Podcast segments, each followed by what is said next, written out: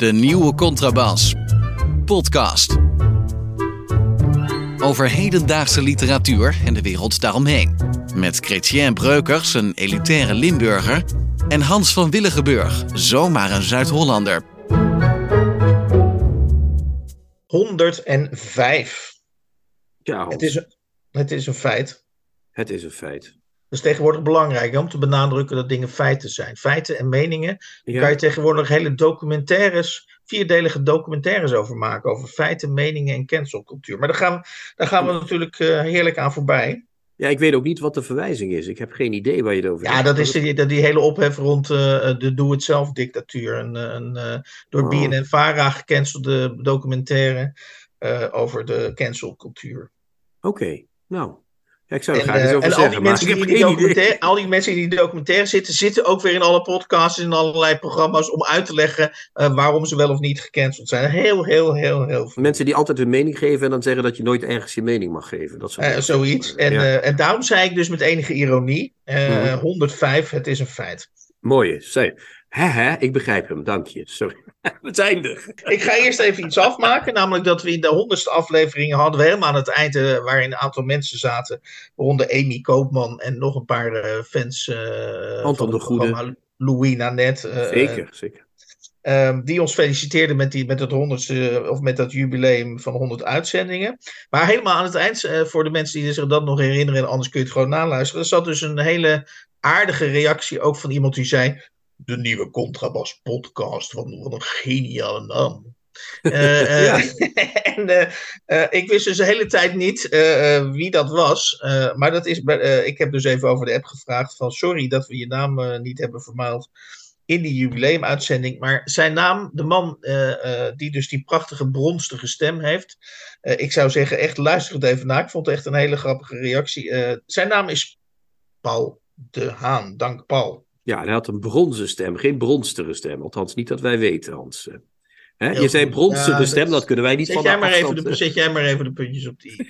Ehm, even een preview. Eh, de preview is welke boeken we na ons inleidend praatje gaan bespreken. En dat zijn eh, twee boeken. Om te beginnen hebben we het tweede boek van Meerte van Doornik. Een roman die, getiteld Een tafel bij het raam.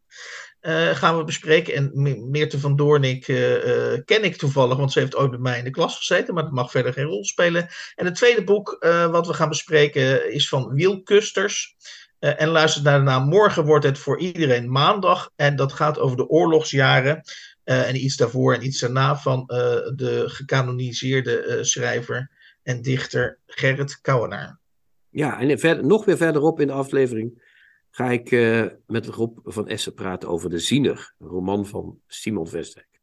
We beginnen wat mij betreft met een, eh, bericht van Tsoem. Ik, ik zeg het eindelijk goed, volgens mij in één keer goed. Tsoem. Mhm. Ehm, en daar eh, Koen Peppelenbos, eh, zeg maar de, de, de almachtige van eh, oprichter en de hoofdredacteur, die heeft daarin een stuk gepubliceerd eh, met als centrale eh, vragen: waar is de literaire arena? Nou, de, alvorens we daarover losbranden, want waar is inderdaad die literaire arena in 2023, wil ik beginnen met goed nieuws, namelijk dat Koen Peppelenbos eh, in dat stuk schrijft dat een van de arena's die hij nog volgt, de nieuwe Contrabas podcast is. Dus al, al zijn we misschien niet de arena, we zijn een, een arena. Een zijarena. Maar het, gaat, het stuk gaat eigenlijk over, of ga jij dat samenvatten? Het gaat Nee, nee, over dat maar. eh, Karel Peters, dat is waarvan je er altijd denkt als je die naam hoort, leeft die ook nog? Nou, die leeft dus blijkbaar nog. die eh, heeft het archief van het, de Republiek der Letteren van Vrij Nederland. Dat was de, de boekenbijlage van de Vrij Nederland tot, lang, eh, tot, tot, tot enige tijd geleden. Dat is toch alweer lang weg, denk ik, hè, Hans, of niet? Ja, het is wel iets. dan Ergens in de jaren negentig sneuvel, denk ik, hè, of niet? Wat, hoe, staat er niet in in het stuk, of wel? tot hoe lang heeft dat bestaan? Ja, dat ik zit even te bladeren. Maar goed, in ieder geval, het archief daarvan is nu aan het Allard Pierson Museum geschonken. Ja. En om dat op te luisteren, is er een eh, feestje georganiseerd. En een, eh, daar moet er natuurlijk een praatje bij. En een panel. En Karel Peters heeft gepaneld eh, onder voorzitterschap van Daan Doesburg met Diewertje Mertens en Wart Wijndels. Iemand van het Parool en iemand van Vrij Nederland. Dus Nou, iemand, de hoofdredacteur van Vrij Nederland. de ja. hoofdredacteur van Vrij Nederland en, en een recensent van Het Parool. Eh, en Daan Doesburg is als voorzitter. En Karel Peters is zeg maar ja, was ooit de, het hoofd van het Republiek der Letteren. En die schrijft nu nog steeds online een soort column die uh, een beetje uitblinkt door onbegrijpelijkheid uh, op de website van Vrij Nederland, toch? E-, even nog ter, ter, uh, ter illustratie of ter nadere duiding van Karel Peters. Rob van Essen, dus ook vriend van de show, heeft ooit tegen mij gezegd: in de jaren negentig was jouw grote vriend van de Volkskrant, Arja, Arjan Peters, die, dat was een gevreesde uh, recensent. Uh, en ik herinner me dat in die categorie ooit ook, volgens mij, maar dan moet jij maar even beoordelen of dat zo is, ook ooit Karel Peters zat. Nou ja, hij zat inderdaad in de categorie mensen stemmen die je diende te horen. Zoiets was het. Het was niet zozeer een gevreesd recensent, maar hij werd wel gezien als iemand die heel veel, bij wie heel veel lijnen uitkwamen. En dus als je de stem van Karel Peters had gehoord, wist je in ieder geval hoe een deel van de lijnen liepen op dat moment. Ja, oké. En, en, en, het, het, stuk, en het hele stuk uh, van waar is de literaire arena gaat erover. Waarom had je in die tijd van die bijlages waar iedereen naar keek en waar alles gebeurde? Mm -hmm. En waarom heb je dat nu niet meer? Want dat is wat het. Uh, wat ja, en, en ook de vraag natuurlijk: hoe, hoe missen we dat? Of is het juist goed dat dat er niet meer is? Nou, ik, als ik voor mezelf spreek, mis ik het niet. Ik weet niet of jij het mist. Ik mis het eigenlijk helemaal niet. Uh, kijk, je kunt zeggen, het was fantastisch. Je had twee of drie tijdschriften waar het gebeurde. Maatstaf, Tirade en De Gids, grofweg. Of al vier, als je Hollands mm -hmm. Meetelde. En de Reviso nog, dan had je er al vijf. En je had twee of drie grote bijlagers. Volkskrant, NRC, uh, en, en die, Haagse en die Post. en die Republiek der Letteren. En die Republiek der Letteren. Dus had je, je had vier of zeg tien plekken waar het gebeurde. Als je dat had gelezen, wist je ongeveer wat er aan de hand was. Tegenwoordig moet je inderdaad veel meer zelf uh, aan het werk en overal rondkijken wat er aan de hand is en wie er aan het schrijven is. Maar ik, ik, ik vind die zelf, uh, uh, dat zelf informatie verkrijgen niet onaardig, moet ik eerlijk zeggen. Ik, heb, ik, ik hoef niet iedere week te weten wat Rijn-Jan Mulder vindt van een boek. Om maar eens een naam te noemen uit de NRC ja. vroeger. Of ik hoef niet te weten wat uh, Ian Peters vindt. Want dat, ja, wat vindt hij? Ja. Meestal niet veel bijzonders. Nou, dat vind ik inderdaad wel een interessante invalshoek. Omdat het is, we hebben het hier ook wel eens in verband met een boek van Ewald Engelen over neoliberalisme gehad. Dat, dat was eigenlijk een hele negatief, zowel het boek van Engelen als, als ons commentaar op dat boek. was nogal negatief over neoliberalisme. En ik vind nog steeds in politiek opzicht terecht. Maar wat je natuurlijk wel ziet, is dat je ook als, en dat ben ik dus helemaal met je eens, is dat als je als literat, uh, geïnteresseerde in literatuur, uh, dat er dus in zekere zin meer op je eigen ondernemerschap uh, terechtkomt. Namelijk, wat wil je weten? Ga eens nadenken over wat jij van de literatuur wil weten. Ja. En, en als je daar dan een antwoord op hebt, dan kan je vervolgens de bronnen erbij zoeken die, die antwoord geven op, jou, op de vragen die jij hebt. Dus dat is een vorm van democratisering waar ik absoluut niet tegen ben, inderdaad. Nee. En die mensen die, die altijd weer terugverlangen naar die tijd, hè, waarin, uh, waarin altijd uh, waarin een paar stemmen het voor het zeggen hadden, dat vind ik ook iets regressiefs hebben of iets, iets uh, conservatiefs. weet je wel, dat zijn die mensen, vroeger Hans, toen wij jong waren, toen had je van die mm-hmm. oude kerels, die lazen op vrijdag het handelsblad, zoals we dat toen nog noemden, het handelsblad. Ja. En dan keken ze welk Nederlands boek ze moesten kopen en dat kochten ze dan. Maar ja, ja. dat maakt nog geen levendige literatuur natuurlijk, toch? Of wel? Ja. Tenminste, nou, goed, mijn opzicht.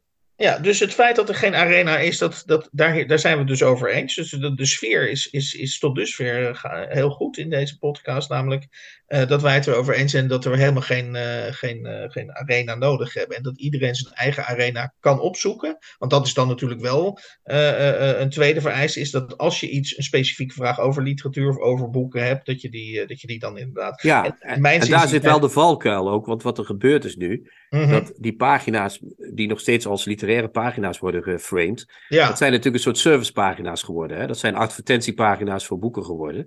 En wat daar gebeurt is dat mensen dan vaak denken: oh, het staat in de literaire bijlage, dus laat ik het maar kopen. Dus mensen vallen wel eerder in de val van de. strappen eerder in de val van de reclame. Dat is wel wat er gebeurt natuurlijk. Ja, en dus dat, in dat die zin mooi... zit er ook wel een gevaar in uh, weer. In ja, want dat, dat is eigenlijk wel een mooi bruggetje, zonder dat we daarnaar op zoek waren. Maar goed, jij levert hem nu spontaan. Uh, naar mijn tweede item is namelijk dat ik in een ooghoek las dat uh, Matthijs, ik weet niet hoe, wanneer dat precies heeft, heeft plaatsgevonden, maar die heeft het, heeft het felbegeerde, ik zeg dat met enige ironie, uh, het felbegeerde CPNB-speldje mogen, ontv mogen ontvangen.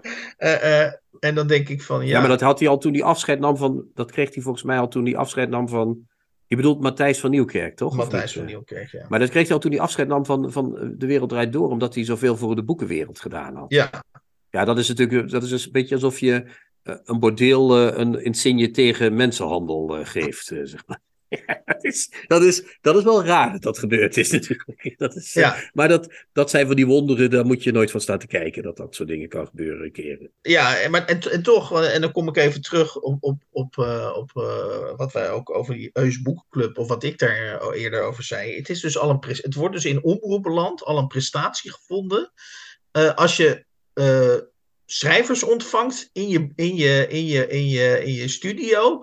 En dat je ze niet als totale maloten, uh, zeg maar, uh, uh, weer, laat, weer laat vertrekken. Dat, dus je moet, ze, je moet ze net als Eus en net als Matthijs, je moet ze dus een beetje hosten. Je moet ze, je moet ze in, een, in, een, in een omgeving brengen waar ze, waar ze, nou ja, goed, waar ze zich een beetje senang voelen. En verder moet je, dat is volgens mij ook heel belangrijk, dat je niet al te diep op die boeken ingaat. Het is, nee, dat is verboden. Soort, ja. Het is een soort lounge-ruimte waar, waar die, die, die, die schrijvers moet aanbieden. Maar ja, dat is natuurlijk heel treurig natuurlijk. Ja, maar we zijn nu afgedreven van de bijlagers naar, naar de televisieprogramma's. En dat zijn ja, maar, maar dat, dat heeft, dat is, de rode draad is dus... Ja, de rode draad is dus dat het inderdaad alleen nog maar een reclame... Ja, het is reclame. Ja, je kunt het, het was vroeger ook soms alleen maar reclame. Want neem nou Boudewijn Buug, dat was toch ook een soort halve gek. Die met uh, schrijvers... Uh, die, die, die deed quizjes. Die deed dan deed hij een jurkje aan, dat liet hij opwaaien. En dan moest je raden dat dat opwaaiende zomerjurk was. Dat, dat kan ik toch ook niet helemaal serieus nemen, eerlijk gezegd. Ja, wel? Maar, maar je hebt wel, grosso modo is het zo dat, dat, dat uh, de arena is er niet.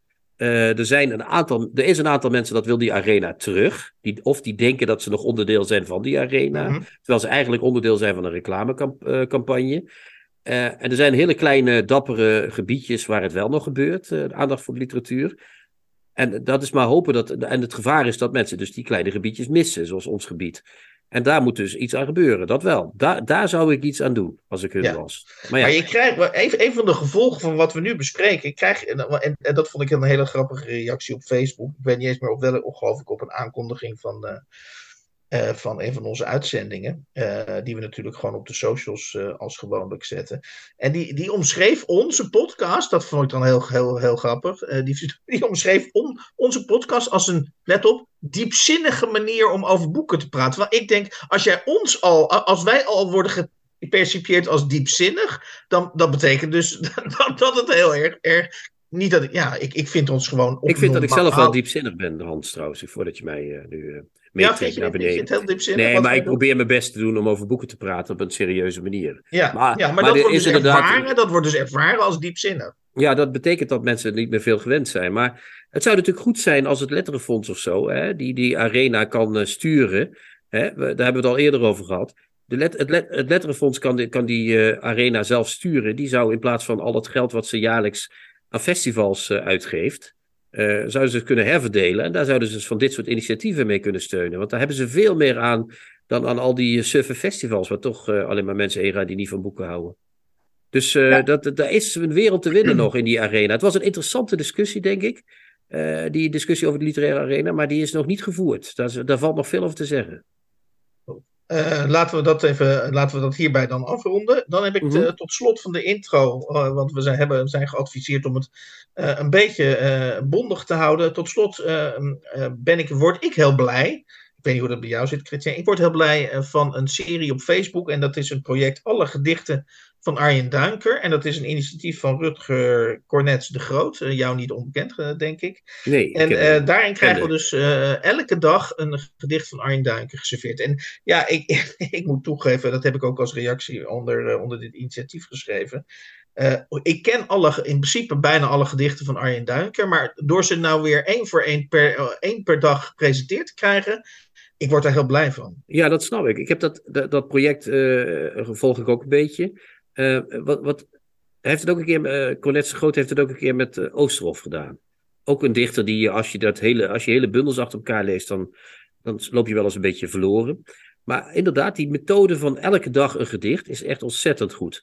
Dat is namelijk, ja, dat is precies even een paar minuten even een gedicht lezen, kijken. Je kunt er de rest van de dag een beetje over nadenken.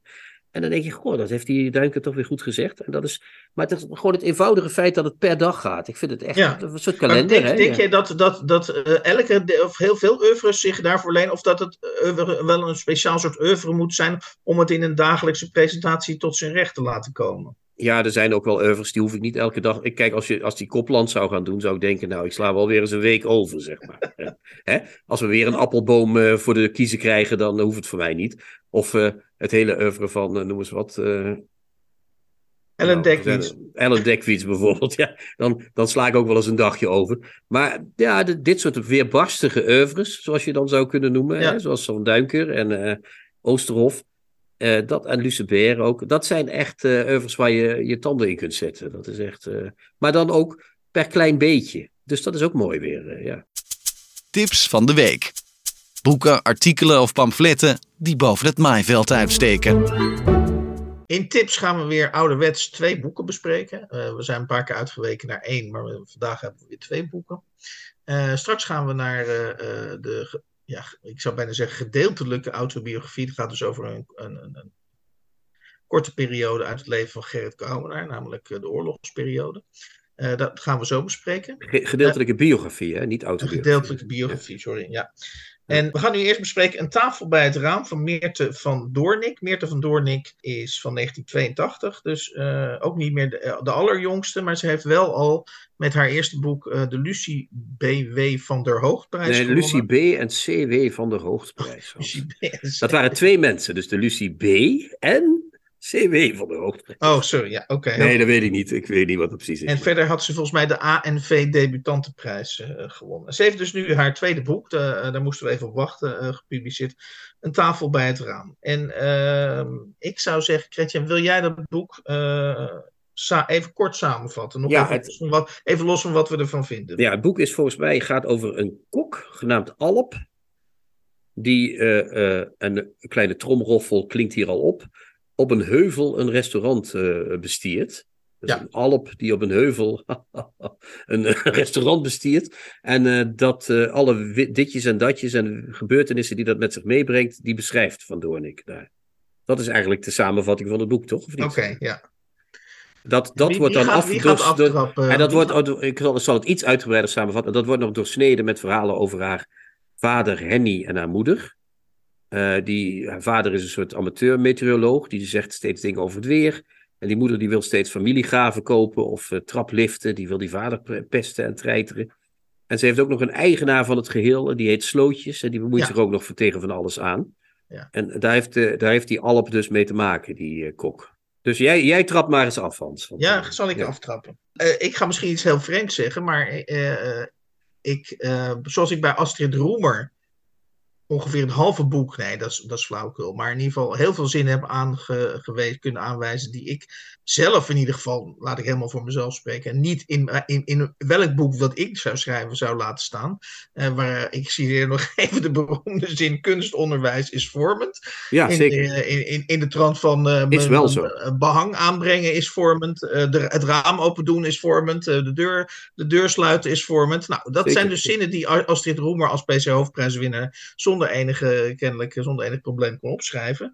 En ik moet toegeven dat ik bij eh Meerte van Doornik eh, precies het omgekeerde had. Daar heb ik nog een heleboel passages en zinnen aangekruist of verzameld Ja. die ik de moeite waard vond. Wat overigens niet wil zeggen dat ik dat hele boek geslaagd vind. Maar ik vind wel, de, de, ik vind het niet toevallig dat zij die prijzen gewonnen heeft. Ik heb dus dat Nou, ik eerste, heb dat eerste boek niet gelezen. ik heb dat eerste boek ook niet gelezen, maar op grond van het feit, ik vind wel dat zij eh, in dit boek aantoont, eh, want als gezegd, ik vind niet alles in dit boek geslaagd, maar wat ze voor mij wel aantoont, is dat ik denk, als je nou dit iets meer doet, of dat iets meer doet, of een aantal eh, dingen beter in de gaten houdt, dan zou je in principe een heel goed boek kunnen kunnen Ja, schrijven. maar, ja, dat is waar. Maar nou, dat weet ik niet of dat waar is trouwens. Ik, ik ben het iets te makkelijk nu met je eens.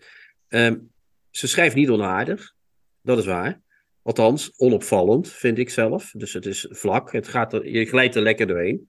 Alleen, ik heb het hele boek doorgedacht. Wat gebeurt hier eigenlijk? Wat zijn we eigenlijk aan het doen met dit boek? Heb jij dat nergens, heb jij ergens kunnen bedenken van, nou, dit is nou precies de bedoeling van wat ze wil, wil zeggen? Nou, ik, ik, ik, ik, ik zal volgens mij een van de dingen die ik dit eh, eh, als, als, een, als een pre van dit boek eh, zie, is dat het voor, volgens mij een onnadrukkelijk, hè, dus ze noemt geen namen, het gaat niet over politiek, het gaat niet over ministers, het gaat niet over banen, de arbeidsmarkt, maar volgens mij alles bij elkaar, namelijk uh, het gaat over een kok die eigenlijk ook zijn eigen ondernemer is, uh, uh, gaat het wel degelijk, tenminste dat heb ik erin gelezen, mag jij alles van vinden wat je wilt, maar ik heb het gelezen als een onnadrukkelijk tijdsbeeld van toch wel het neoliberalisme. Iemand die, die als ondernemer onder druk staat van een exploitant, slootjes, vervolgens uh, concessies moet doen aan de markt, want dat zijn die kritische klanten die ja. het restaurant. Ja, die allemaal hun eigen bestek meenemen en Ja, die exact, allemaal, exact. Die eh, allemaal sauzen apart willen en die haar vra- eh, hem vragen om concessies aan het eten te doen, et Hè, cetera, de- et cetera. precies, precies. Dus, eh, en, die, en, en de hoofdpersoon, die Alp, eh, nou ja, wat je er verder ook mag vinden, dat is natuurlijk in wezen een, een, heel, een vrij tragisch figuur die. Kwaliteit wil leveren. Die zit op de heuvel kwaliteit te leveren, zeg maar. Exact. Nou ja, Maar dus niemand waardeert die dat, Alp, ja. die Alp is dus een, een, in die zin dus een verzinbeelding van de neoliberale burger. Hij, hij maakt zijn eigen zielenroersel, zielenroersel ondergeschikt eh, aan het leveren. Nou, heb je, heb, je een, heb je een kernachtige samenvatting van wat er op dit moment eh, in, in, in het rijke Westen aan de hand is? Ja. Ja, ja ik ben het, dat, dat zit er allemaal in. Daar heb je gelijk in. Alleen, het zit er zo in dat ik iedere keer denk, en wat dan? Er gebeurt nergens wat. Er is geen... eh, eh, hij flipt Dat niet is niet uit. helemaal waar. Er gebeurt Nou ja, er gebeuren wel eens wat dingetjes zo. Ja, Maar dat zijn dan steeds gebeurtenissen die opkomen en weer weggaan. Opkomen en weer weggaan. ja, ja, dat is En het blijft maar kabbelen, zeg maar. Dan, gebeurt, dan lijkt er weer iets te gebeuren. Want dan heeft hij iemand eh, eh, bijna. eh, dan komt hij met een mes de, de zaak in. En dan lijkt het net alsof die mensen met een mes bedreigt. Dan wordt hij op foto's op social media gezet. Mhm. Maar dat, dat, dat verdwijnt weer en dat kabbelt weer door. Ja. Dan gaat hij met die slootjes naar, naar, naar Frankrijk om van alles uit te halen. Daar eh, eh, gebeurt ook weer van alles. Dan wordt hij zelfs door die slootjes achtergelaten. Mhm. En het kabbelt door en dat verdwijnt weer. Eh, zelfs het einde, als hij dus echt afscheid neemt van zijn zaak, kabbelt door. En dat valt toch ook weer een beetje weg. Ik had bij dit. Je hebt altijd. Je hebt wel eens dat je zegt: Ik heb een beeld bij dit boek. Ik had hier een beeld van een. Je kent dat wel van natuurfilms. Van zo'n jong vogeltje. wat zo heel wanhopig met zijn Mhm. vleugeltjes zo probeert.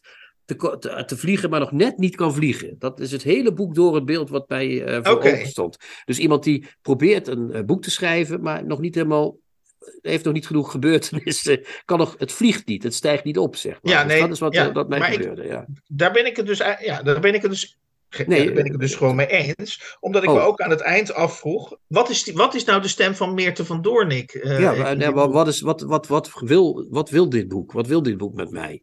En eh, dat, dat, dat, dat, was, was Wilders wipe, zegt Erik, maar dat is niet hetzelfde. Eh, maar die, die, ja, ik, ik heb het gewoon. Ze heeft problemen met het personeel. Ze heeft problemen met. Oh nee, hij heeft, sorry, hij heeft problemen met. Ik zeg steeds ze, omdat Alp, daarmee trek ik de auteur en de hoofdpersoon ge- gelijk. Dat is niet netjes. Maar hij heeft problemen. Hij zit zich op te winden over dingen. Maar het had allemaal veel spannender gemaakt kunnen worden. Dus eh, Ja. doe eens iets met die eh, motieven. Ja. Doe daar eens iets Ah, mee. Ja, ben ik het dus mee eens. Maar ik, ik had een, meer, meer een muziekmetafoor eh, bij deze. Ik ben, ik ben niet zo thuis in muziek, maar bij, bij, gek genoeg was het bij het lezen van dit boek. begon ik dus aan, aan, aan, aan die muziekmetafoor te denken. Namelijk, het is, het is steeds een licht soort piano. Het is een heel licht soort pianospel. Wat, eh, Ja, maar wat, wat, wat, wat dus 200 bladzijden lang duurt, maar waarvan je dus inderdaad op een gegeven moment denkt: waar, waar is de zware? Eh, het is allemaal. Het is, en dat, dat, dat komt misschien overeen met dat fladderende vogeltje van jou, eh, wat niet opstijgt. ja, ik weet is dat niet. je denkt: wanneer komt er nu een zware bal? Wanneer komt er nu een ondertoon, inderdaad? Ja, maar dat, dat is toch heel saai, of niet, om dat te lezen? Dat is toch... ja, ik vond Dan het heb je wel ja, leuke zinnetjes, maar ja, wat heb je aan die leuke zinnetjes dan? Nou, dat, dat, dat kun je nou afvragen. Maar ik vind wel, op pagina 33 staat bijvoorbeeld, dan, dan beschrijft ze een klant. En dan kan je dus ook een beetje een indruk krijgen van hoe Meerte van Doornik, hoe, ik vind dus hoe goed ze kan schrijven.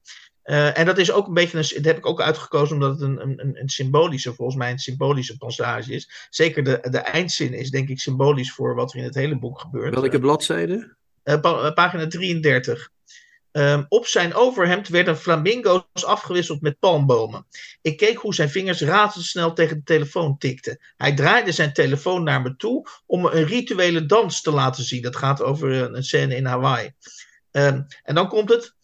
Alles aan je moet meedansen, zei hij. Je oogleden, je haar, je tenen, inderdaad. En je zou kunnen zeggen dat die, eh, dat die, hoofd, dat die hoofdpersoon, eh Alp dus, als kok de he- de- het hele boek lang eh, eh, aan het meedansen en dat meedansen is. Nee, dat doet hij juist niet. Hij probeert juist er tegenin te dansen. Hij probeert juist wel goed te koken. Hij probeert juist wel eh, een echt restaurant te hebben. En niet, hij is juist best tegen die klanten steeds, toch? Hij, ja, is maar hij moet, ze echt- tegelijk, maar de, dat is dan misschien toch de strijd. En dat is misschien wel een existentieel. Ja, ik maak het nu met een Ja, je, maakt, je probeert het nu interessant te maken. Ja, precies. Ja. Maar, maar eh, eh, eh, dat doet hij wel met frisse tegenzin natuurlijk af en toe. Ja, ik vind, ja maar ik kom het, het, komt, het komt niet. We kunnen het nu. Wat we, dat merken we ook aan de bespreking. We krijgen het niet uit het boek zelf. We moeten er iets van maken. We moeten een constructie ophangen om het boek te maken. Ja. En dat moet het boek eigenlijk zelf doen. En dus, dus eigenlijk, ja, dit, dit, is, dit is geen goed boek. Ik zou hier als redacteur echt flink de zweep over gehaald hebben. Ja, wat zou jij, dat is interessant. Maar wat zou jij dan bijvoorbeeld tegen Meerte eh, zeggen? Dan zou ik zeggen, ga eerst eens bekijken wat je wil vertellen. Wat wil je nou met dit boek vertellen? En vertel dat dan Maar weet je dat, maar dat, dat vind ik dan vind ik prima dat je dat zegt. Maar heb je dat, eh, dan, dan heb ik nu opeens een neiging om naar jouw eigen schrijfpraktijk te gaan. En te denken, Zo. doe doe jij, doe je, ga jij van tevoren nadenken over wat je wil vertellen? Nee, maar achteraf weet ik het wel.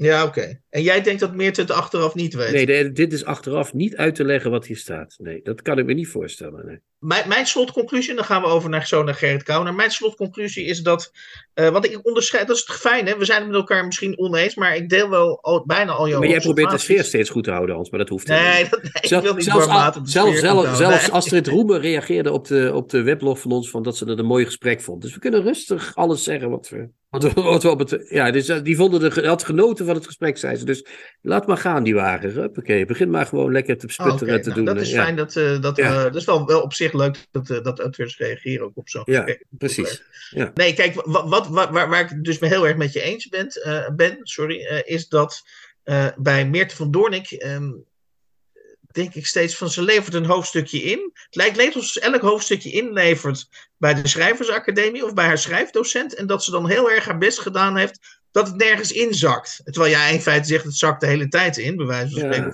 Er Het is geen- niet maar, op Maar ze, komt dus telkens met in, leuke zinnen, interessante observaties. Maar het geheel, dat ben ik namelijk wel met je eens, is wat. eh, eh, ik, ik, ik, ik zou zeggen tegen Meerte van Doornik, inderdaad. eh, ontdek je, probeer je eigen stem. Ja, is dat Meerte wel, van. Doornik en, en laat die meer doorklinken. Dit is. En, en probeer nou niet van die mooie zinnetjes te maken, maar probeer een mooi boek te maken. Die zinnetjes, dat komt wel als dat boek in orde is. Ja. Ja.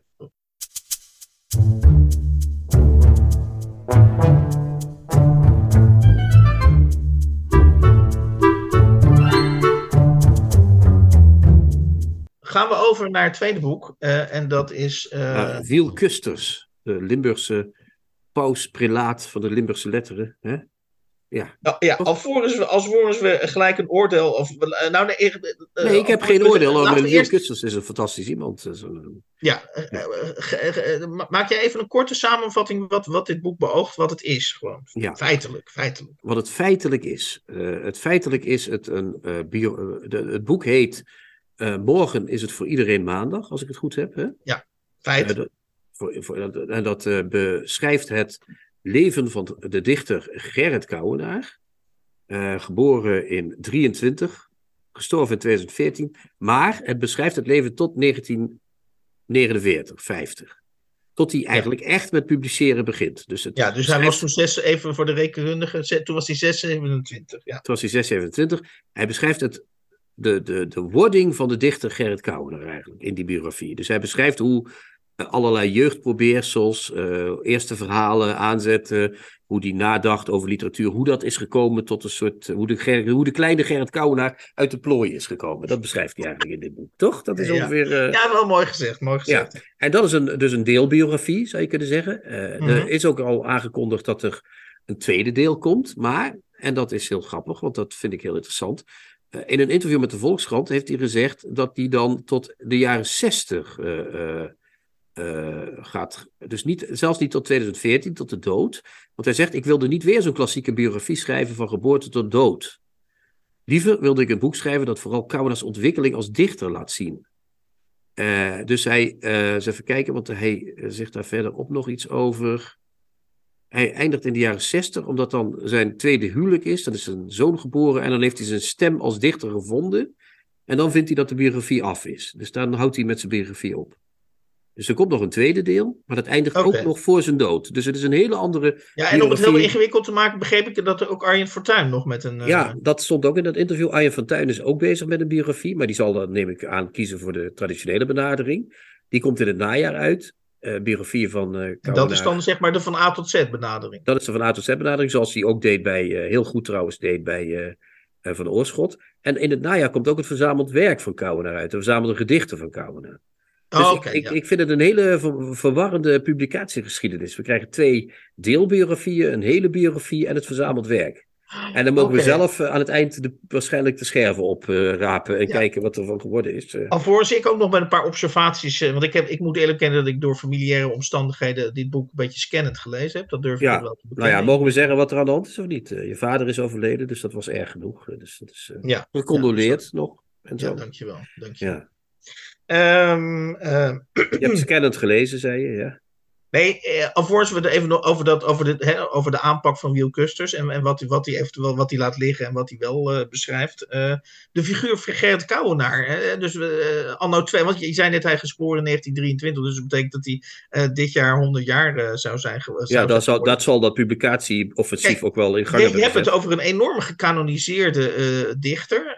Volgens mij heeft hij ook uit mijn hoofd de PC Hoofdprijs. Ja, en de prijs der Nederlandse letteren, alles. Alles Dus- gewonnen wat je dus- in Nederland kunt winnen, ja. Ja, en dan, en dan denk ik, eh, Gerrit Kouwenaar, eh, niet dat iemand, wat mij betreft, relevant hoeft te zijn, of dat een oeuvre eh, niet in zijn tijd mag worden gezien, of inderdaad, omdat het de PC-hoofd en, en al die prijzen heeft gewonnen, ook klassiek moet zijn. Maar hoe snel veroudert Gerrit Kouwenaar en in, in, in, in wat voor dode put vallen die boeken over hem, denk jij? Of valt het mee?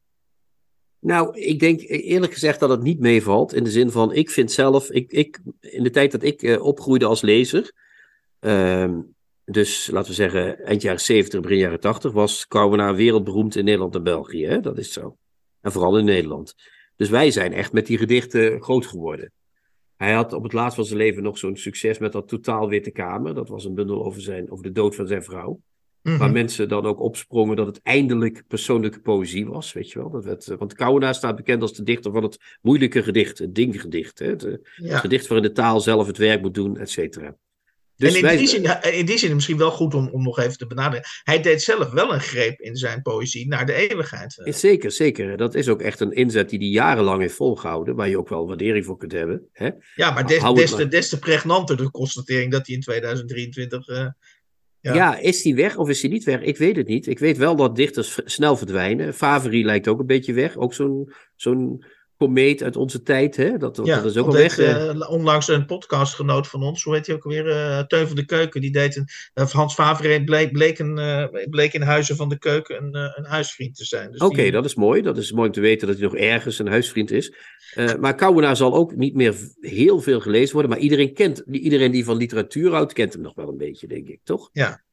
Misschien is het nu dan dat verzameld werk weer een punt, als dat eind van het jaar uitkomt, waarop mensen ineens Ja, weer naar die maar gedichten ik, gaan ik heb het over publieksresonantie. Hè, dat hij in een kleine kring natuurlijk nog gekend wordt, is duidelijk. Maar Maar publieksresonantie is weg, denk ik. Ja, ik vrees dat dat echt helemaal verdwenen is, ja. ja, ja. Het is natuurlijk heel treurig om te zien dat eh, dichters. Kijk, vroeger had je ook wel dode dichters, die, zoals Bloem, die bleven dan toch nog met een paar gedichten leven. Hè? Ja, Iedereen wist nog van wat is natuur nog in dit land? Of eh ja, het de regent en het is november. eh, dat soort regels. Die Domweg gelukkig in de Dapperstraat. Ja. Maar niet iedereen begint, als hij de naam Kouwenaar hoort, te zeggen van laten we nog één keer de Witte Kamer wit maken of zoiets. eh, Weet je wel, dat, dat, dat wordt niet meer eh, gezegd. Dus dat is heel treurig natuurlijk. Dichters lijken ook eh onderhevig te zijn aan het neoliberalisme, wat we net al. eh, Ja, en, en in, in mij lijkt Kouwenaar ook bij uitstek een, een, een dichter. En daar, daar komen we nu langzaam gaan we naar dat boek toe. Lijkt me ook bij uitstek een dichter die echt in. Hè, want we hebben al gezien dat de bundel als, als drager van poëzie, de poëziebundel, ja, dat, die, dat is op zijn retour volgens mij. En, en, en, en bij Kouwenaar, dat was echt gedichten, weet je wel. Dat, dat, dat, was zo'n bundel zo'n notie- bundel eh, werd met, in mijn ogen, zeker bij Kouwenaar, met een soort heilige, een bijna sacrale eh, manier werd die opengeslagen. Ja, dat waren ook bundels van 27 gedichten waar hij zes jaar op werkte, weet je wel. Dat, waren, dat was niet, eh, daar werd hij niet met een Jantje van Leiden van afgemaakt. Dat was niet eh, zo in één minuut klaar. hè? Het was geen nee. spoken word, dat. Nee, zeker niet. Het was geen Dean Bowen Ja, of zo. Nee. En, en dus, dus die, zeg maar die, dat, hele, dat hele gegeven maakt dus, is een onderdeel van het feit dat hij dus volgens mij heel snel aan het verdwijnen, dat soort poëzie, dat, ook die benadering van poëzie heel erg snel. aan Terwijl het heel verdwijnen is. Weet je dat ik, Hans, in 1987 of 86 was ik op een camping in Frankrijk. En dan had ik de bundel Het ogenblik, dubbele punt, terwijl van Kouwenaar bij me. En dat zat ik te lezen voor mijn tent. En dat echt, de tranen schoten me bijna in de ogen. Want Zo Mhm. erg was het. Ik zal dadelijk aan het eind een gedicht voorlezen. Misschien dat eens mag. Ja. Eh, Maar goed, dat is dus ook wel degelijk een ontroerende dichter, vind ik zelf. Maar goed, dat Ja. is, ik ben geen publieksresonantie, dat blijkt maar weer. Maar dat is wel zo. Ik Ja. vind het echt een heel. Ik, ik vind wel dat hij het publiek zou verdienen. Dat, Ja, dat wel. Ja. eh, Nou, ik, ik, ik, eh, eh, scannend heb, ik twee observaties op dit boek. Om te beginnen, ja, zeg het maar.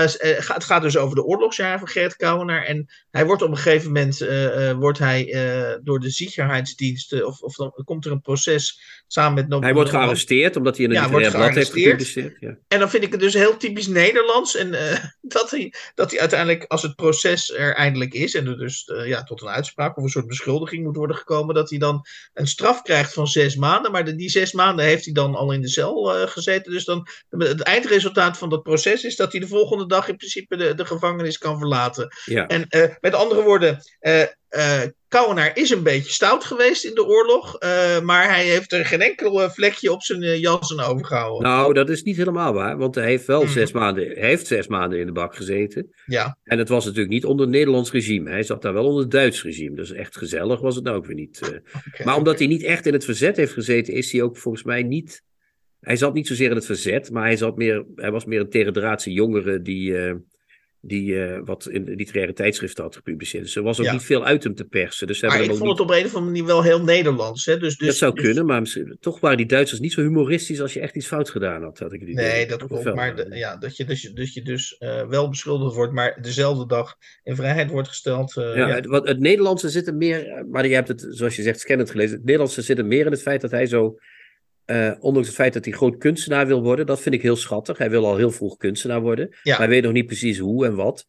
Eh, dat, dat, dat getut en ge- gedraai wat hij doet met, met zijn ouders en met zijn broer en met iedereen, over dat hij wel, hij heeft wel zoiets van er moet nieuwe kunst komen, maar hij weet nog niet precies hoe dat moet. Dat vind ik heel typisch. eh, dat vind, ik, dat vind ik iets heel lief. Dat vind ik iets burgerlijks hebben bijna. Dat had hij dus bijna in Nou, zijn jeugd. nog. Jij noemt dat woord, en daar sluit ook mijn tweede observatie bij aan. En dat, daar, wordt, door- daar wijdt Wiel dus ook wel fin- eh, eh, flink wat ruimte aan. Is dat hij heel, heel sterk, eh, dus eh, al vroeg in zijn leven, want dit gaat dus over eh, de periode dat hij twintig of, tiener of twintiger was. dat hij op een gegeven moment beschrijft dat er, er, er zijn eigenlijk twee, dat hij tot ontdekking komt dat er twee Gerrit Kouwenaars zijn. Je hebt de Gerrit Kouwenaar die scheppend op zijn zolder zit. En, dan, en dat hij dan door zijn vrouw of zijn toenmalige liefde naar beneden wordt geroepen voor het eten. En dat hij dan haar fijn doorheeft dat, hij, dat er een ook, dus naast de scheppende Gerrit Kouwenaar, er ook een de trap afdalende eh, maaltijd, aan de maaltijd deelnemende Gerrit Kouwenaar is. En dat dat twee hele verschillende Ja, entiteiten zijn. ja, het is echt een inzicht van niks. Maar blijkbaar was dat heel belangrijk voor die mensen in die tijd nog. Hè? Dat, is, dat, dat, dat is ook, ook iets wat helemaal weg is. Dat kunstenaar willen zijn. Hè? Dat helemaal echt totaal Ja. je, je leven opofferen aan de kunst. Dat is toch ook iets heel vreemds hoe ze dat...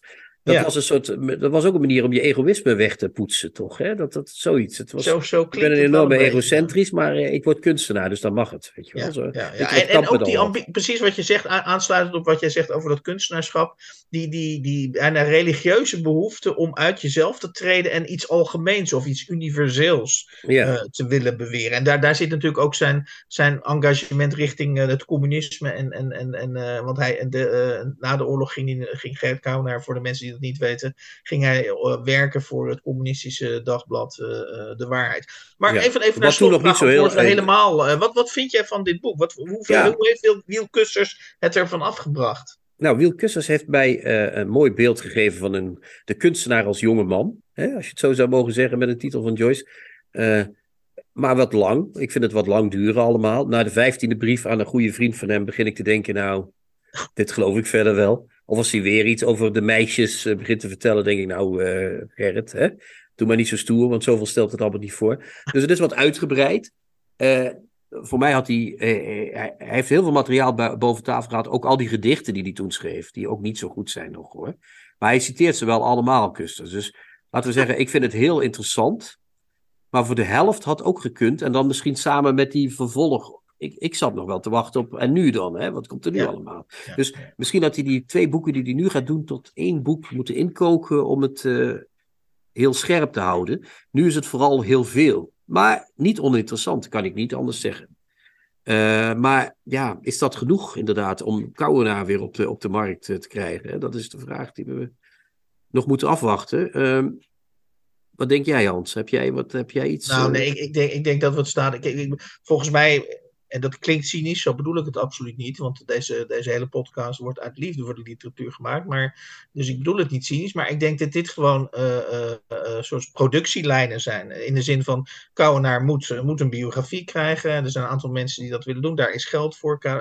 Kouwenaar is een gecanoniseerde auteur. Nou, dan komt er op een willekeurig moment, en dat is dus nu, komen die biografieën uit. Want ik begrijp van jou dat er dus nog meer gaat volgen. En dat zelfs in het najaar die verzamel, eh, of zijn Ja. verzameld werk. Nou, eh, hij wordt. zegt wel dat hij op eigen initiatief dit boek heeft geschreven en dat Fortuyn is aangezocht om een biografie te gaan maken. Ja, dus hij heeft het op eigen gelegenheid gedaan. Ja, maar ik, ik, nog los even, dat, dat is goed dat je dat even vermeldt, dat ter nuance. Maar ik denk dus dat het gewoon productie, nog productielijnen zijn die lopen. En dat, eh dat, dat Kouwenaar als, als literair figuur eh, eh, zo goed als, eh, ja, hoe zullen we dat eens netjes zeggen? Jij denkt dat hij eh, helemaal weg is? Ja, Ja, die latere gedichten, dat, dat, dat, dat totaal Witte Kamer, dat, dat is toch nog wel iets wat mensen lezen, of niet? Eh, ja, het zou kunnen dat dat in een hele kleine kring wel overleeft. Dat zou kunnen. Ja, ik, ik, ik zou hopen, maar goed, ik ben natuurlijk een hopeloze romanticus, dat, het, eh, dat er weer gedichten van Kouwenaar worden gelezen. Maar er zijn de laatste jaren ook wel slechte diensten bewezen aan Kouwenaar. Want Anne Enquist had een boek over hem geschreven en die had ook een keuze uit het werk gemaakt, op thema gerangschikt. Dat sloeg ook helemaal nergens op. Dus er zijn ook wel een paar deuken in hem geslagen. Dus ik, ik hoop dat ze nu eh, de, de- het lek boven krijgen. Zullen we, zullen we gewoon eens met het gedichtje van de Laten meester eindigen? Arjen. niet? we gaan zo een gedicht doen. Laten we hopen op Arjen Fortuyn. Want die heeft volgens jou in ieder geval eerder bewezen dat hij het wel kan. Dus, eh, Ja, maar nou ja, ik denk dat dat is misschien de combinatie, dat, iedereen, dat iemand al die boeken bij elkaar eens leest en kijkt, hé, hey, wat gebeurt daar allemaal? Ehm trouwens, Kouwenaar zou ook zo'n oeuvre zijn om eens een keer per dag een gedicht van te ja, publiceren. Dat zou ook wel mooi zijn. Ik zei, het, het gedicht heet Zo helder is het wel werkelijk zelden. Dat is uit de gelijknamige bundel. En Zo ik helder dus- is het werkelijk zelden. Ja, Ja, toch wel een prachtige zin, vind je niet? ja, ja. Eh, dat heb ik toen zitten lezen voor mijn tentje in, eh, in de Ardèche en dat vond ik echt fantastisch. Zo helder is het werkelijk zelden. Men ziet het riet wit voor de verte staan.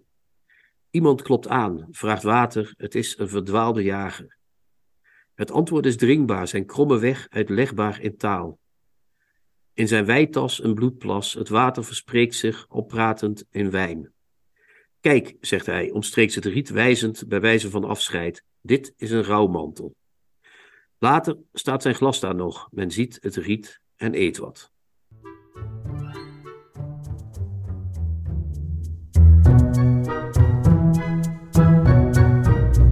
De nieuwe Contrabas. Podcast. Bij ons is Rob van Essen. We gaan verder op onze zoektocht door het oeuvre van eh, Simon Vestdijk. En vandaag lezen we een roman uit 1959. Kort vers jaar verschenen voor een Alpenroman die we ook gedaan hebben. En hij heet De Ziener roman. Een mooie titel, Rob, of niet? Zeker een mooie titel en ook een hele mooie roman. En een, oh, we zijn, je verraadt alles al. Dus nu vallen Ja, al onze luisteraars ja. weg, zeg maar. Ik vond, hem in ieder geval, ik vond hem veel beter dan die Alpenroman. Ik vond dit wel een Vestdijk van ouderwetse kwaliteit. Ja, want dat zat ik me net af te vragen. We hebben natuurlijk eh, de boeken gelezen uit de jaren 30 en 40. De grote orkeststukken, zeg maar. Hè? Eh, de Koperen Tuin, eh, Kelner en de Levende, al is die van iets later, geloof ik. Maar Ina Damman, hè, dus de echte grote orkeststukken. Dit is een iets minder groot orkeststuk als je het eh, eh, van afstand bekijkt. Hè? Het is wat eenvoudiger van opzet, als je het zo zou willen zeggen. Maar het is, eh, ja, want ik, ik, las, ik zag laatst een stukje van, eh, hoe heet hij nou, Peter Buwalda bij eh, Frits Spits op de taalstaat. Dat was eh, op YouTube te zien. Die was ontroerd door het boek. En dat was ik eigenlijk ook wel, moet ik eerlijk zeggen. Ja. Dus een, ontroerend, een onroerende Vestdijk is het. Maar laten we eerst vertellen wat het is. Wat, wat is het? Wat, wat, wil jij even een kleine, ja. Ja, hij grijpt een beetje terug op oude kenmerkende Vestdijk omgevingen. Zo'n provinciestad, dus Leeuwarden-Harlingen-achtig iets. En? Een, een middelbare school, een verhouding tussen leraren en leerlingen. Dat zijn dus dingen die we bij Anton Wachter ook al deed. En bij Ivoren Wachters, wat we ook al gelezen hebben. Ja, Dan grijpt hij naar terug. En dat werkt heel goed, vind Ja. ik. Ja, maar het, ja, het gaat over een. Nou, de hoofdpersoon, laten we zeggen, is de ziener. Hè? Eh, dat is de voyeur eigenlijk, eh, Pieter Leroy. Een, een, een onoogelijk mannetje, als ik het goed eh, lees. Een beetje zo'n klein muisje die door de stad loopt en zich onder een hoed verschuilt. Uh, heeft altijd die hoed op. en die kijkt naar mensen. Ja, hij is ergens achter in de twintig, begin dertig volgens mij. Ja. bij zijn, bij zijn moeder. En, en zus, ja. En zus. Hij werkt bij een, tweedehands kledingwinkel, maar daar krijgt hij niet betaald. Hij houdt zich daar een beetje bezig bij de administratie, maar eigenlijk loopt hij daar gewoon een beetje in de weg. Ja. Hij, heeft dus eigenlijk geen enkele maatschappelijke standing of functie. En uh, S'nachts uh, besluipt hij vrij in de paardjes. Ja, en dan wordt hij twee op de vijf keer afgerost, zegt hij zelf. Hè? Dat vindt hij, dat, daar gaat het hem eigenlijk om. Op het moment dat hij ontdekt wordt, is eigenlijk het hoogtepunt van zijn uh, voyeurschap. En het is ook ironisch dat natuurlijk zo iemand niet de voyeur heet in de titel van de roman, maar de ziener. Dat is natuurlijk. Ja. Nou, hij is ook een echte ziener, volgens mij. want hij, is, hij, hij wordt weliswaar neergezet als een klein voyeuristisch mannetje.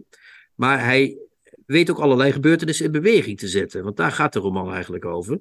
Uh, in het huis van zijn moeder woont een kostganger, gangster. Uh, juffrouw Rapange, die geeft uh, Frans op het plaatselijke, ja wat is het, lyceum denk ik, of, of gymnasium ABS. of zo, ABS. en daar zitten twee zoontjes, Dick en Rick, hoe heet die ook weer met de achternaam? Tieme Bakker. Tieme Bakker, van de notaris of de advocaat of zo, hè? Van, van, Een van de notabelen van de stad. Ja. Oh, Dick was een, uh, Rick was een legendarische oudere broer. Die heeft nog met een abortus bij dienstmeisje veroorzaakt. Um, Dick die wordt uitgenodigd door mevrouw Rapange nu en dan um, om langs te komen. Leraren en leraressen nodigen ze nu al leraren uit om s'avonds eens langs te komen. Alles in het nette. Maar mevrouw Rapange woont bij de ziener in huis. Die ziener ziet de jongens nu dan uh, s'avonds thee komen drinken bij zijn lerares Frans. En die begint eigenlijk, die wil daar iets meer van. Die wil daar iets in zien, letterlijk eigenlijk. En die organiseert eigenlijk, door het schrijven van wat anonieme brieven, dat er een, in het hele stadje zo'n beetje een sfeer ontstaat van, hé, wat gebeurt daar? En is dat allemaal wel koosje wat daar gebeurt? En hij um, hij begint eigenlijk uh, die verhouding tussen die twee te fantaseren. En hij hoopt dat hij in het echt dan ook gaat bestaan. En het mooie is, hij gaat in het echt bestaan. Hij is dus wel degelijk een echte ziener. Hij zag het in die twee. En dat is ook, komt er min of meer uit. Want op den duur beseft hij dik ineens, doordat hij steeds. Uh, de, de, de, aanleiding is heel vreemd, want die anonieme brieven blijken allebei van dezelfde figuur te zijn. Iedereen denkt dat dat van mensen zijn die zich daaraan storen, of van ouders die zich aan storen. Maar doordat ze in die situatie gedrongen worden, ontstaat er ook een soort liefde tussen die twee. En dat is ook het mooiste moment voor die, voor die voyeur zelf. Hè? Die, die, uiteindelijk, als er tussen die twee mensen wat is geworden, dan heeft hij eigenlijk zijn allerhoogste hoogtepunt. Wat heel mooi is, want het is een prachtige scène in het boek. Dat zij met z'n tweeën in een kamer zijn uh, in dat huis van die uh, uh, Leroy. En dan zit hij in een boom, zit hij dan te kijken naar ze. Nou, dat is echt, dat vind ik zo fantastisch gedaan door Versdijk. Dat is, dat, dat is, is, echt geweldig. En, hey, je, hebt, je hebt het geweer van Tsjechov. Hè, dat, ja. Ja, als je in de eerste acte van het toneelstuk een geweer ziet hangen, dan weet je zeker dat er in de laatste acte mee geschoten zal worden. Ik bedoel, ik heb nu dus ook de beuk van Vestdijk. Die beuk die staat daar in die achtertuin. Daar wordt nu en dan een beetje aan gerefereerd, zodat je weet wat hij er staat. En in de laatste scène klimt hij Leroy klimt in die beuk om uh, de, de consumatie, de vrij platonische consumatie van die liefde tussen die twee, in, uh, in ogenschouw te nemen. Dat is, ja. dat is prachtig gedaan. Het is sowieso, je ziet hoeveel plezier Vestdijk gehad moet hebben met deze roman, want al die leraren, die bijfiguren in het boek, worden prachtig neergezet, spelen verder in het verhaal eigenlijk geen rol. Nee, maar voor de uh, lekker doet hij dat even, hè? Hij doet het voor de, de lekker. Ja. De prachtige scène van meneer Sibbe, Oh ja. Leraar Sibber, die dan getrouwd is met een, een vrij omvangrijk gebouwde vrouw. En, hij heeft de, en hoe die s'nachts met elkaar omgaan. Uh, dat, dat, hij uh, zo nu en dan kan hij dan uh, ontboezingen aan haar kwijt.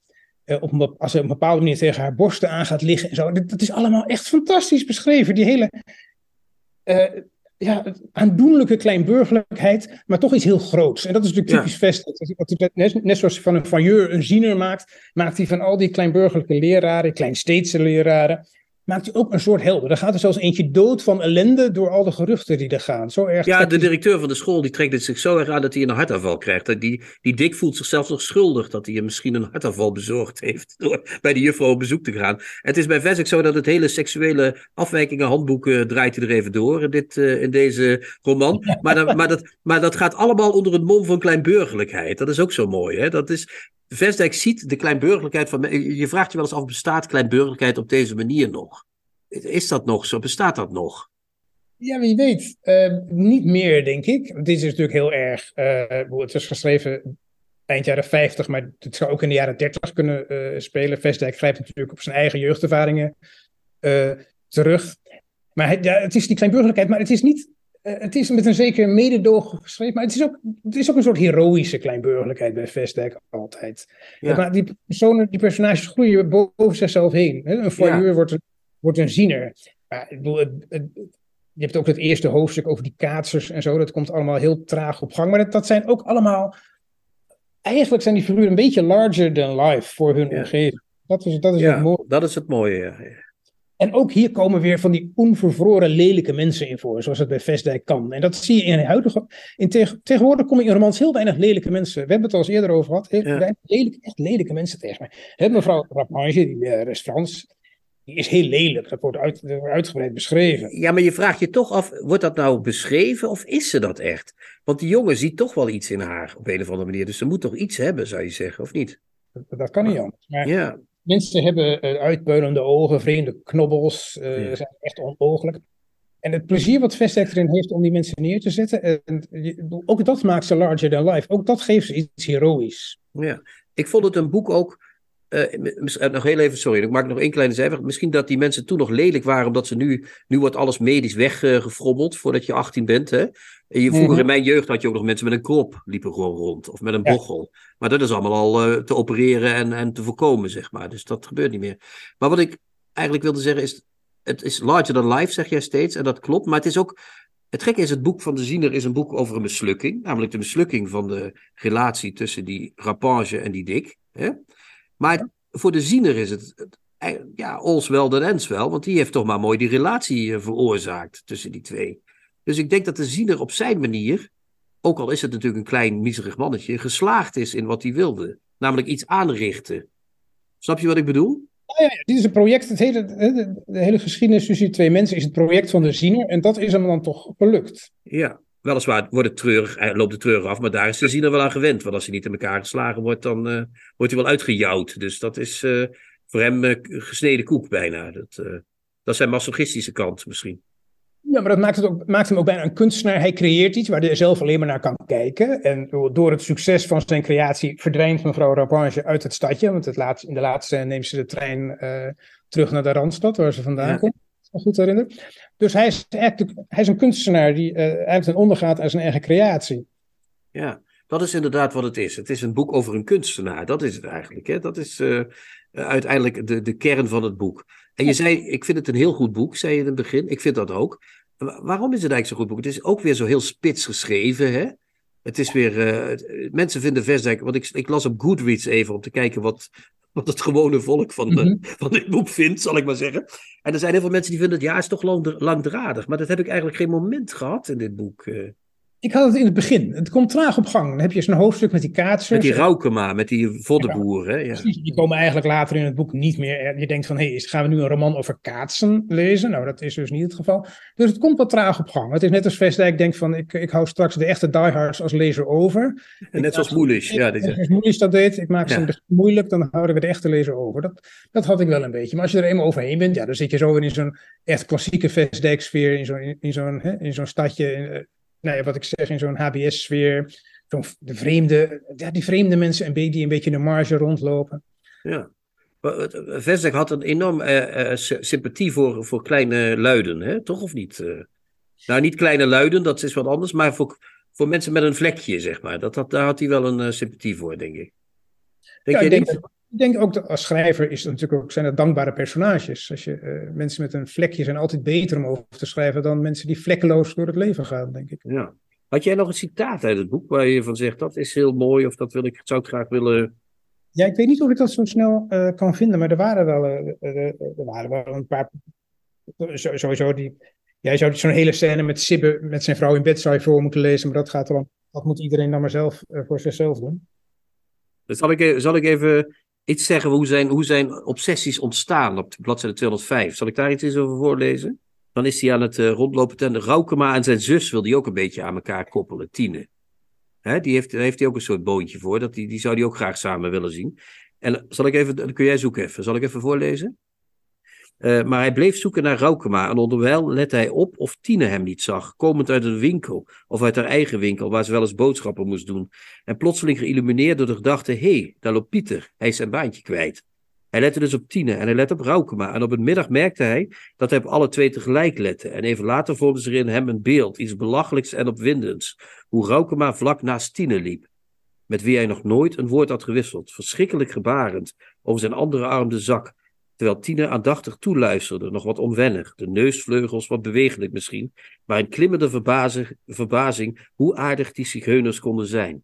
Dus hij, hij gaat zich echt voorstellen dat een voddenboer, waar hij eigenlijk een hekel aan heeft, waar die, die, die, die, mag hij niet zo graag. Hij is door zijn vader ontslagen of de zaak uitgebonjourd. Gaat hij toch voorstellen hoe hij met zijn zus uh, aanpapt. Dat, dat is dus wat, hoe dat in zijn, in, zijn, in zijn bovenkamer werkt, dat zo, zeg maar. Ja. Ja, ik kan het echt niet laten. Ik heb ook mijn citaat gevonden, of een van de citaten die ik aangestrepen heb. Uh, ik heb het trouwens over meneer Sibbe, maar hij heet Stibbe. Meneer IJzerman maakte een sceptisch gebaar. Nu kwam meneer Stibbe naderbij drentelen, als toevallig schommelend en lummelend als een grote beer die zijn kunstje verleerd is en met hangende kop peinst waar het kunstje toch wel gebleven kan zijn. Ja, dat ja, dit, is... Dit soort beschrijvingen, daar, daar, zie je echt dat Vestdijk hier echt met plezier achter zijn typemachine heeft moeten, heeft moeten zitten. Ik bedoel, al die mooie beelden met, met die bijfiguren die verder niet zo'n rol spelen, maar die die toch even wil neerzetten en waar het kunstje toch wel gebleven kan zijn. Het is, ja, dat is zo goed. Ja.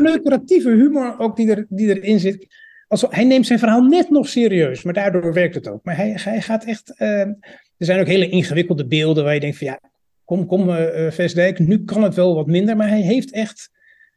Ja, nogmaals, hij heeft het gewoon met plezier geschreven. En met een drive. En de Alpenroman van een jaar later is eigenlijk een veel, oude, veel, veel oudere Vestdijk in zekere zin. Veel daagder. Er gebeurt echt veel minder. Want in die later, hoe later de Vestdijk zijn, hoe minder er eigenlijk gebeurt, bedacht ik onder het lezen van dit boek. Ik weet niet of dat wetenschappelijk gezien uh, overeind te houden is, maar dat is een, een idee dat ik kreeg. En hier gebeurt toch heel veel. En ook, uh, en waar de Vestdijk altijd goed in is, is in eindscènes. Ik bedoel, het, het, het, het druppelt nooit uit zo'n boek. Het, is, het, komt, het eindigt altijd met een goede scène. Zoals nu mevrouw Rapinje hier met de trein vertrekt. Er zit, altijd, er zit altijd een hoogtepunt aan het eind. En dat is ook altijd heel goed.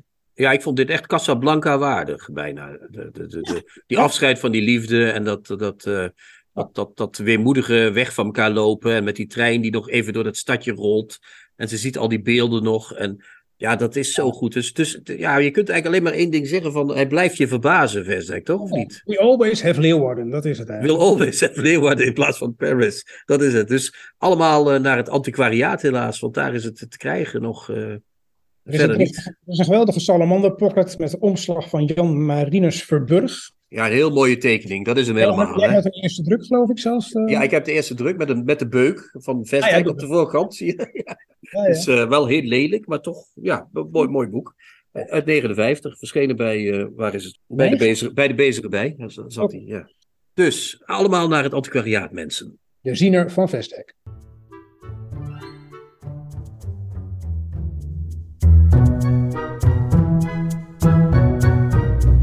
De nieuwe Contrabas. Podcast.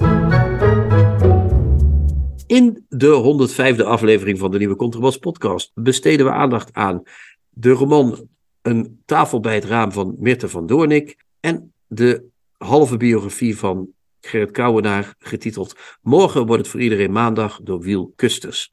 Morgen wordt het in ieder geval een nieuwe dag. En uh, uh, dan zou ik jullie aanraden om naar het antiquariaat te lopen en de ziener van Simon Vesdijk te kopen. Uh, in 1959 verschenen bij de Bezige Bij en daarna nog in verschillende drukken beschikbaar, waaronder een hele mooie salamander met een mooie tekening erop. Dus allemaal naar het antiquariaat of naar de boekhandel morgen, mensen. Vanaf uh, deze aflevering gaan we er vier weken even uit. Hans uh, gaat wandelen in Tasmanië of zoiets. En ik ga ook even iets anders doen. Midden juli zijn we er weer met twee zomerafleveringen. Tot die tijd, lieve mensen. Ciao, ciao, tjoe, tjoe. De nieuwe Contrabas podcast wordt gemaakt door Chrétien Breukers, Hans van Willigenburg en Erik Lindenburg. Kijk jij ook elke week uit naar de nieuwe Contrabas podcast? Voeg dan de daad bij het woord en word officieel supporter. Dat kan al vanaf 1 euro per week, oftewel 52 euro per jaar. Draag je ons een heel warm hart toe, dan kun je ook Golden Supporter worden voor 104 euro. En Platinum Supporter voor 208 euro per jaar. En wat krijg je daarvoor terug? Dan luister je met nog meer plezier naar ons uitgesproken geluid wekelijks over literatuur. En wat je ook geeft, ga naar gofundme.denieuwecontrabas.blog. Nog één keer? gofundme.denieuwecontrabas.blog. Hup, hup, hup. Hup.